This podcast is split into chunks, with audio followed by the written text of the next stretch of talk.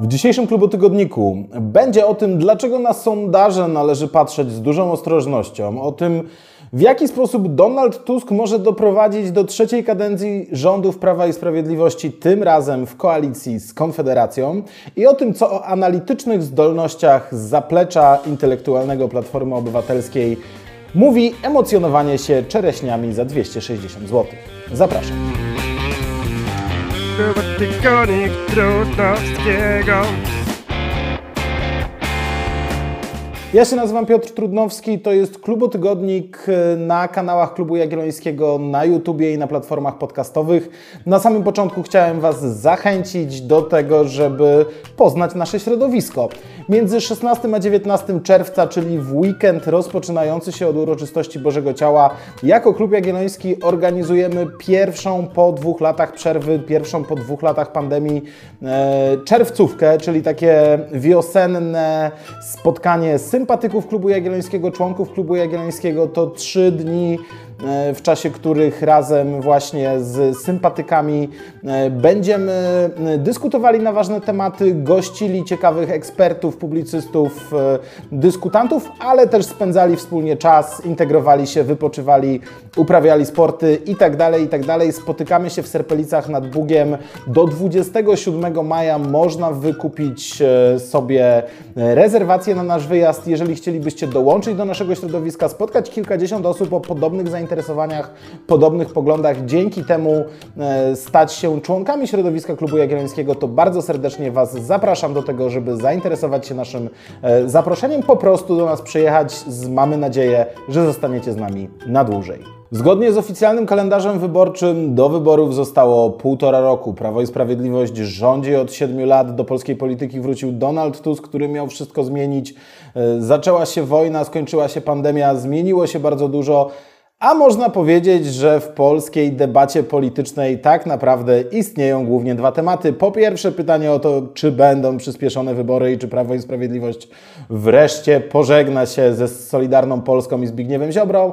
I po stronie opozycyjnej dyskusja na temat tego, e, w ilu blokach, na ilu listach, w jakiej konfiguracji pójść do wyborów, e, bez względu na to, kiedy one się odbędą. Nie ma dyskusji o poważnych wyzwaniach, nie ma dyskusji o programach.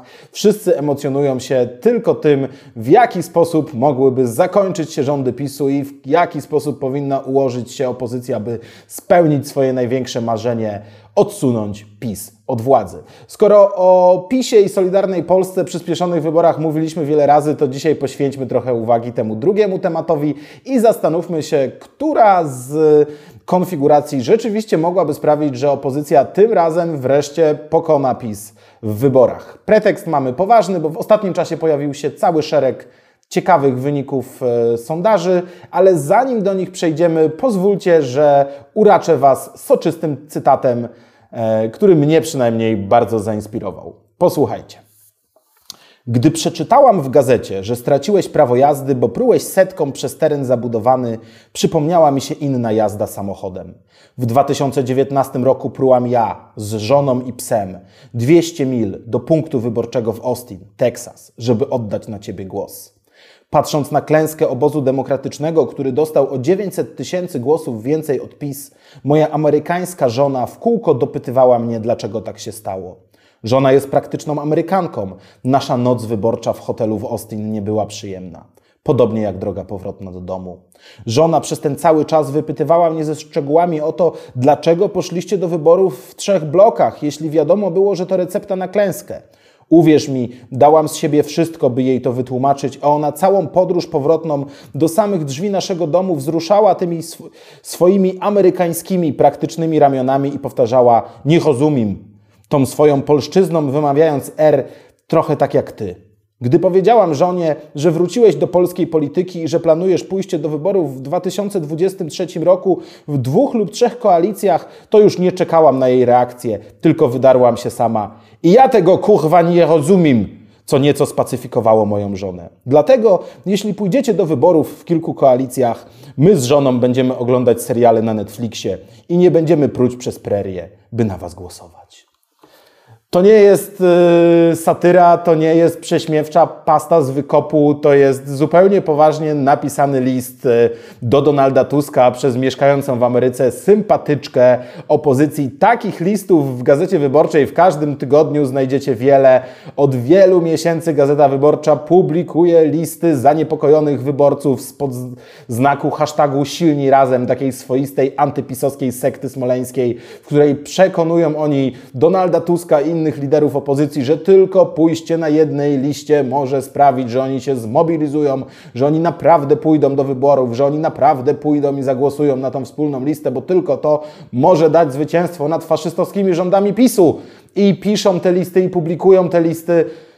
I część polityków opozycji próbuje z nimi polemizować, próbuje im wytłumaczyć, jak działa ordynacja wyborcza, metoda przeliczania mandatów i tak dalej, ale mają jednego wiernego słuchacza. To Donald Tusk, który wierzy w te listy i wszystkich zachęca do tego, żeby faktycznie na jednej liście pójść. Ja, prawdę mówiąc, nie życząc wcale źle opozycji, tego kurwa nie rozumiem. W sukurs Donaldowi Tuskowi i zwolennikom zjednoczenia opozycji poszedł portal, który, no powiedzmy sobie szczerze, pełni trochę taką rolę medium dla tej antypisowskiej sekty smoleńskiej, dla silnych razem, czyli portal OkoPress i zdecydował się opublikować sondaż, e, który udowodni, że zwolennicy jednej listy mają rację.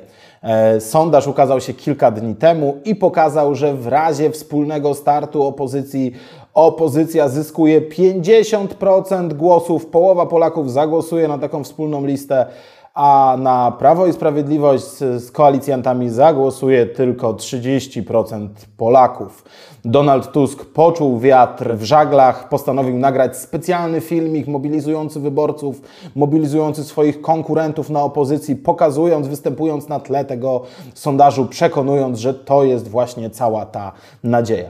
No więc, skoro tak znakomity jest wynik sondażowy e, Zjednoczonej Opozycji, to dlaczego ktoś kręci nosem, czemu nie chcą tego Kosiniak-Kamysz, Szymon Hołownia, Włodzimierz Czarzasty i szereg analityków, którzy mówią, że hola hola to nie jest takie proste.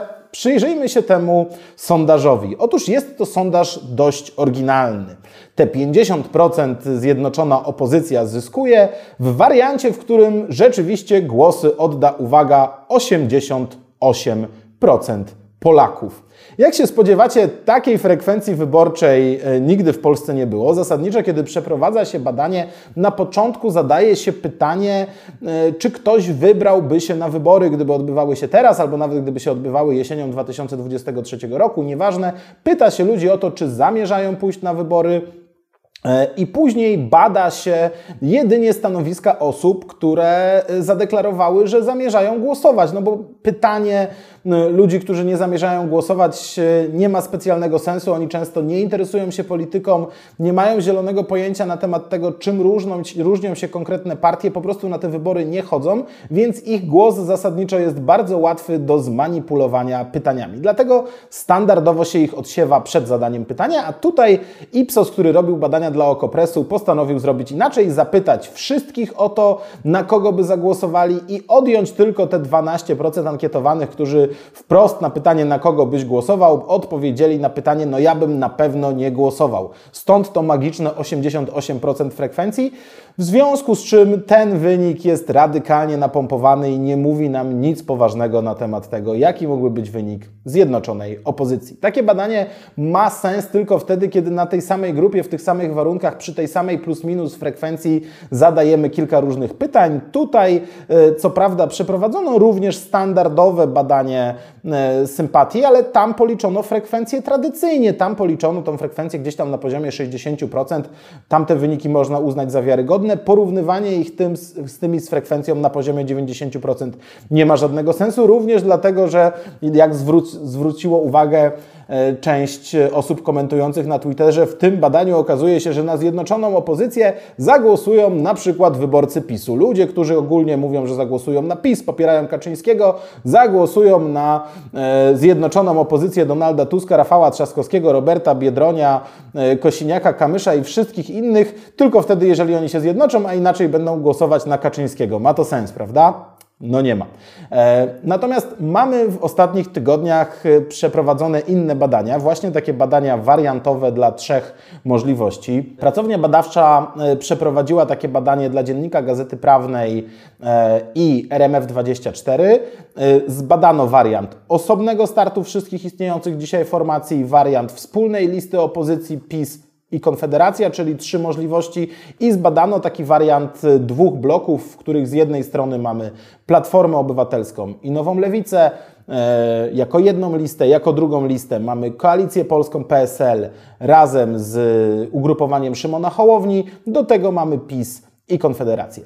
Te wyniki przeliczono na e, mandaty w dwóch wariantach. Opowiem Wam teraz, jak to wygląda. Oczywiście nie da się w 100% przewidzieć, jakie będą dokładnie te wyniki. E, zależnie od wariantu, poparcie dla ugrupowań różni się zarówno w procentach, jak i w mandatach. Mandaty są przeliczane według różnych metod. Z jednej strony mamy metodę profesora Jarosława Flisa, z drugiej strony mamy metodę doktora Macieja Onasza. Żeby tego nie komplikować, e, ja będę mówił o takich przedziałach e, wyników w mandatach dla wszystkich trzech wariantów. Na początek Mamy więc wariant wspólnej listy opozycji. Wyborcy idą do urn, mają do wyboru trzy opcje. Albo głosują na PiS z koalicjantami, albo głosują na zjednoczoną opozycję, albo głosują na konfederację. Jak wygląda rozkład mandatów w takich wariantach? Prawo i Sprawiedliwość zyskuje między 217 a 219 mandatów, Zjednoczona Opozycja zyskuje między 222 a 234 mandaty, Konfederacja zyskuje między 9 a 18 mandatów. Dalej mamy wariant dwóch bloków, czyli ten scenariusz Platforma plus Lewica i PSL plus y, Hołownia. Wygląda to następująco. PiS między 203 a 210, E, Koalicja Polska 2050, czyli PSL i Hołownia mają 65 mandatów, Platforma z Lewicą mają 176-177 mandatów, Konfederacja między 8 a 15. To oznacza, że, że formacje na lewo od PiSu mają między 241 do 242 mandatów, czyli bezpieczne rządy bez PiSu i bez Konfederacji. No i na koniec mamy wariant, w którym wszystkie partie startują osobno, i wygląda to w następujący sposób. PiS między 224 a 227, y, Koalicja Obywatelska między 138 y, a 140, Lewica 45 mandatów, Polska 2050 Szymona Hołowni 35-37 mandatów, Polskie Stronnictwo Ludowe 14 mandatów i uwaga, według tego sondażu, y, który analizujemy, to jest scenariusz, w którym Konfederacja nie wchodzi do Sejmu. W dużym trendzie sondażowym, który trwa tak naprawdę od 24 lutego, od początku wojny, y, Konfederacja co do zasady na dzisiaj notuje cały czas spadki, balansuje gdzieś na granicy progu wyborczego. To spore spadki, bo jeszcze niedawno y, cieszyła się y, stabilnym poparciem między 8 a 10 procent głosujących. Teraz ewidentnie Konfederacja jest w kłopotach i w takim scenariuszu, w którym wszystkie partie startują osobno, Konfederacji nie starcza e, do osiągnięcia progu wyborczego, ma tam 4,5%, no i premia za te tak zwane zmarnowane głosy trafia do większych formacji, no i proporcjonalnie w największym stopniu trafia ona do Prawa i Sprawiedliwości. Co z tego wszystkiego y, wynika? Wynika z tego, że zdecydowanie najbezpieczniejszym dla opozycji y, scenariuszem jest startowanie w dwóch, być może trzech blokach tego wariantu y, nie badano. To jest ten scenariusz, w którym opozycja ma stabilną większość 241-242 głosów. Przy starcie ze zjednoczoną opozycją, zależnie od wyliczeń, jesteśmy na granicy sytuacji, w której Prawo i Sprawiedliwość mogłoby mieć większość razem z Konfederacją. No i dość podobnie jest w tym standardzie, w tym wariancie zupełnie osobnych startów, bo tutaj faktycznie nie ma tej konfederacji, ale gdyby ona się pojawiła, gdyby przekroczyła jednak próg wyborczy, czego wykluczyć nie możemy, no bo do wyborów jeszcze e, całkiem wiele e, czasu, no to mogłoby się okazać, że to poparcie gdzieś w granicach 230 kilku mandatów, które partie opozycyjne na lewo od PiSu mogą sobie zagwarantować, e, mogłoby się nie okazać wystarczające, mogłyby stracić te kilka głosów albo kilku posłów bo różne rzeczy dzieją się też przecież po wyborach i jednak większość zyskałoby PiS razem z Konfederacją. Natomiast najciekawsze jest e, to, w jaki sposób e, te różne warianty wpływają na zachowania wyborców. Otóż okazuje się, że w wariancie zjednoczonej opozycji, w wariancie wspólnej listy, w stosunku do tego osobnego startu opozycja traci aż ponad 14% głosów. Co siódmy wyborca opozycji, który e, byłby w stanie zagłosować na różne partie, w wariancie jej zjednoczenia nie zagłosuje na wspólną listę. Tymczasem Prawo i Sprawiedliwość zyskuje 5% e, dodatkowych głosów. Okazuje się, że są tacy wyborcy, e, którzy mając do wyboru między wielkim blokiem Kaczyńskiego i wielkim blokiem Tuska, nie chcąc głosować na Konfederację, ostatecznie stwierdzają, chciałem głosować na opozycję, ale skoro taki jest wybór, to zagłosuję na Kaczyńskiego. No i wreszcie największym beneficjentem wspólnej listy opozycji jest Konfederacja. Ona zyskuje w stosunku do tego wariantu osobnego startu, uwaga, 50% głosów. Po prostu, kiedy powstają dwa takie bloki, jest duża grupa wyborców, którzy nie chcą zagłosować na żaden z nich i zagłosują na cokolwiek, co będzie trzecią listą, nawet jeżeli to będzie Konfederacja, do której normalnie im daleko. Raczej nie powinniśmy się spodziewać na Konfederacji, Konfederacji na wspólnej liście z Donaldem Tuskiem, partią Razem i całą tą zbieraniną, więc to oni będą w największym stopniu beneficjentem ewentualnego wspólnego startu, co sprawi, że wejdą do Sejmu z dużym poparciem i staną się poważnym potencjalnym koalicjantem dla Prawa i Sprawiedliwości albo koalicjantem z przymusu dla zjednoczonej opozycji. Wyobrażacie sobie taki rząd? Porównanie tych dwóch sondaży pokazuje, jaki problem ma dzisiaj Platforma Obywatelska i Donald Tusk. Oni po prostu E, bazują w swoich e, analizach wyborczych, w podstawach dla swojej strategii politycznej na zupełnie fejkowych, niepoważnych, kabaretowych informacjach, bo tak należy potraktować sondaż z 90% frekwencją, zamiast przyjrzeć się tym poważnym badaniom, wziąć pod uwagę różne e, warianty przeliczania głosów, zastanowić się nad tym, co może się wydarzyć, jeżeli rzeczywiście dojdzie do zjednoczenia, wziąć pod uwagę te czynniki, o których mówiłem przed chwilą, czyli fakt, że zyskuje na tym e, Konfederacja, powinni czuć e, poważne wątpliwości co do scenariusza jednej listy. Tymczasem spinują ten absurdalny sondaż i próbują na jego podstawie przygotowywać się do kolejnych wyborów.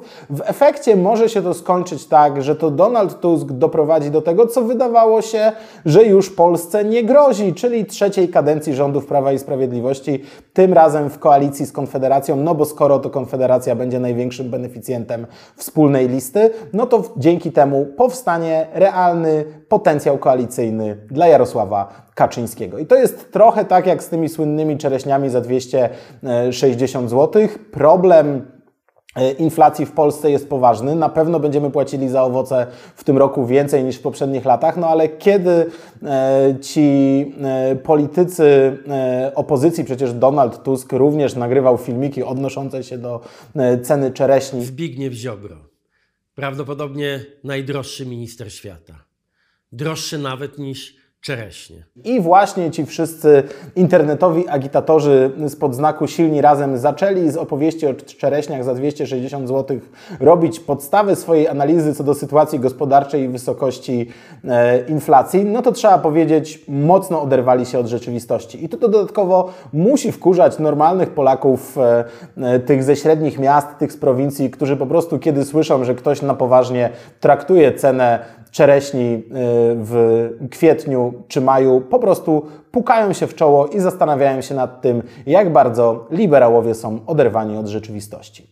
Problem analityczny y, Donalda Tuska i Platformy Obywatelskiej moim zdaniem polega na tym, że oni naprawdę nie rozumieją, co jest największą szansą na pokonanie Prawa i Sprawiedliwości i co jest największym fenomenem rządów PiSu. Mianowicie jest nim polaryzacja. Kiedy polaryzacja rośnie, Prawo i Sprawiedliwość zyskuje. E, kiedy udaje się depolaryzować scenę polityczną, okazuje się, że poparcie dla tej partii e, jest mniejsze. Można to doskonale zobaczyć e, w porównaniu wyników wyborczych z 2015 i 2019 roku. O tym znów bardzo mało się mówi. W międzyczasie doszło do silnej polaryzacji, doszło między innymi do tych wyborów europejskich, w czasie których opozycja poszła przecież na wspólnej liście i się skompromitowała, przegrała, doprowadziła do historycznie najwyższego najwyższego wyniku e, PiSu. No a potem mieliśmy wybory parlamentarne, które można już porównywać z tymi z 2015 roku. Otóż między 2015 a 2019 rokiem Prawo i Sprawiedliwość dzięki polaryzacji i ostrej jeździe, jeździe opozycji na haśle antypisu zyskało dodatkowe 2 miliony 300 tysięcy głosów. W 2015 roku na PiS zagłosowało 5 milionów 700 tysięcy Polaków, w roku 2019 ponad 8 milionów. I tak naprawdę tym, co mogłoby dać opozycji e, zwycięstwo, jest sprawić, żeby te 2 miliony wyborców, którzy pojawili się między 2015 a 2019 rokiem, albo zagłosowało na inną formację niż Prawo i Sprawiedliwość, albo po prostu nie poszło do wyborów. Polaryzacja jest e, zachętą do tego, żeby oni zagłosowali i oddali raz jeszcze głos na partię Kaczyńskiego. Depolaryzacja szansą na to, że opozycja rzeczywiście zwycięży. I oczywiście jest kilka różnych metod, które mogłyby sprawić, że opozycja będzie w stanie e, demobilizować tych potencjalnych wyborców PiSu, tych wyborców, którzy zaczęli popierać tę partię całkiem niedawno. Pierwsza kwestia to właśnie to, żeby pójść do wyborów nie w dwóch blokach, tylko dać wyborcom e, różne opcje, różne alternatywy. Tak, żeby ci bardziej ideowo-lewicowi mogli zagłosować e, na partię lewicową, ci, którzy są konserwatywni, prowincjonalni, mieli szansę nie głosować na Donalda Tuska, nie głosować na Adriana Zandberga, nie głosować głosować na Włodzimierza Czarzastego czy Barbarę Nowacką, ale poprzeć taki blok, który będzie im się wydawał akceptowalny, nie będzie dla nich e, oznaczał światopoglądowej rewolucji. Druga kwestia to to, o czym mówiłem już w e, poprzednim filmie na temat powstawania tej konserwatywnej partii w ramach Polskiego Stronnictwa Ludowego. To jest scenariusz, w którym któraś z partii opozycji zdecydowałaby się na rolę takiej partii potencjalnie koalicyjnej, takiej, która z góry nie będzie wykluczała koalicji z PiSem, ale będzie mówiła o tym, że, że stworzy koalicję z tym, kto e, będzie w stanie zrealizować jej postulaty. To znowu sprawi, że część wyborców sympatyzujących z PiSem będzie gotowa e, na to, żeby oddać swój głos na inną formację, chociażby dlatego, żeby utrzeć PiSowi nos za to, e, co się w rządach Jarosława Kaczyńskiego Polakom nie podoba. Z taką sytuacją mieliśmy do czynienia w roku 2019 kiedy szereg wyborców PiSu, tych, którzy deklarowali wcześniej głosowanie na partię Kaczyńskiego, na ostatniej prostej zdecydowało się zagłosować na PSL i Kukiza właśnie ze względu na to, że byli pewni, że PiS będzie rządził, więc przerzucili swoje głosy na inną formację po to, żeby nie miał zbyt dużej przewagi. Trzecia opcja to to, e, że w tych wyborach e, jest duża szansa, że ze względu na sytuację gospodarczą pojawi się jakiegoś rodzaju formacja protestu. Cały czas wszystkie te badania prowadzimy w oparciu e, o to, że mamy te partie, które dzisiaj funkcjonują, a tymczasem któraś z takich formacji, jak w każdych wyborach, odegra rolę e, ugrupowania protestu. Być może będzie to Konfederacja i wspólna lista będzie temu sprzyjała, ale można sobie wyobrazić na przykład sytuację, w której powstaje te kilka bloków. Z jednej strony mamy Platformę razem z SLD, z drugiej strony mamy e, Hołownię razem z PSL-em i na przykład wyłamuje się z tego scenariusza Partia Razem, która nie chce startować razem z liberałami, buduje e, jakąś nową, taką prawdziwie lewicową listę. Tutaj można sobie wyobrazić różne bardzo egzotyczne koalicje i ona zyskuje premię za nowość, ona zyskuje premię za ideowość i dzięki temu dorzuca dodatkowych głosów e, blokowi antypisowskiemu. Czwarta opcja to propozycja wystawienia na premiera e, obozu antypisowskiego kogoś innego niż Donald Tusk albo Rafał Trzaskowski. To są ci politycy, którzy najbardziej polaryzują. To są ci politycy, którzy, jeżeli będą mieli być potencjalnymi premierami, e, sprawią, że wątpiący wyborcy PiSu pójdą do urn i mimo wszystko oddają głosy na Kaczyńskiego, bo nie chcą ani premiera Trzaskowskiego, ani premiera Donalda Tuska. Tutaj potencjalnym kandydatem e, powinien być jakiś bardziej konserwatywny, umiarkowany, być może mniej rozpoznawalny, być może prowincjonalny kandydat, e, który sprawiłby, że część wyborców pomyśli sobie, hmm, taki Kosiniak-Kamysz, może go nie lubię, ale na pewno nie bałbym się Polski pod jego rządami. Natomiast Polski pod rządami Rafała Trzaskowskiego boję się bardzo poważnie i wolę już kolejną kadencję dla Morawieckiego. I wreszcie oczywiście piąty problem, który ma opozycja, to nie doprowadzić do tego, że jakieś głosy się zmarnują, no bo jeżeli jakieś głosy się zmarnują, to one w największym stopniu e, sprawią, że to premię e, z tytułu tych głosów w największym stopniu odczuje partia, która będzie miała najwyższe poparcie, a co do tego, że najwyższe poparcie e, w wariancie startu w kilku blokach będzie miało Prawo i Sprawiedliwość, nikt nie ma dzisiaj wątpliwości. I na sam koniec E, ważny argument z doświadczenia za granicą. Mówiłem już o tym w odcinku poświęconym podsumowaniu węgierski, wyborów węgierskich. Tam opozycja poszła wspólnie na jednej liście. Co prawda tam jest inna ordynacja wyborcza, ale efekt był dokładnie taki, o którym mówimy. Opozycja zyskała dużo mniej głosów niż się mogła tego spodziewać, dużo mniej głosów niż w poprzednich wyborach.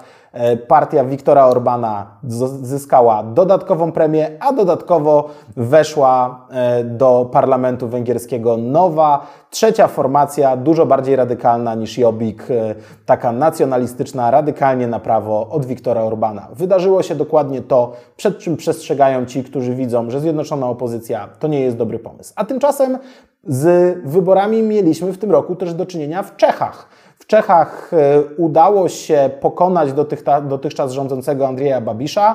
E, tam opozycji antybabiszowej udało się sformułować rząd, odnieść dobry wynik wyborczy, chociaż największą liczbę mandatów zyskała formacja Babisza. Z jakiego powodu? Z tego powodu, że opozycja poszła w dwóch blokach. Z jednej strony mamy ten blok centroprawicowy kilku partii, na których czele stoi aktualny premier Czech, a z drugiej strony mieliśmy partię koalicyjną stworzoną z partii piratów, powiedzmy w uproszczeniu taka formacja będąca odpowiednikiem czegoś pomiędzy polskim Kukizem a polskim Hołownią, razem z partią burmistrzów i samorządowców, czyli partią, którą w uproszczeniu możemy uznać za odpowiednik polskiego PSL-u. Kiedy w Czechach opozycja wobec Babisza poszła w dwóch blokach, pokonała go. Kiedy na Węgrzech opozycja e, antyorbanowa poszła w jednym bloku, skompromitowała się i odniosła historycznie najgorszy wynik, dając Orbanowi kolejną kadencję.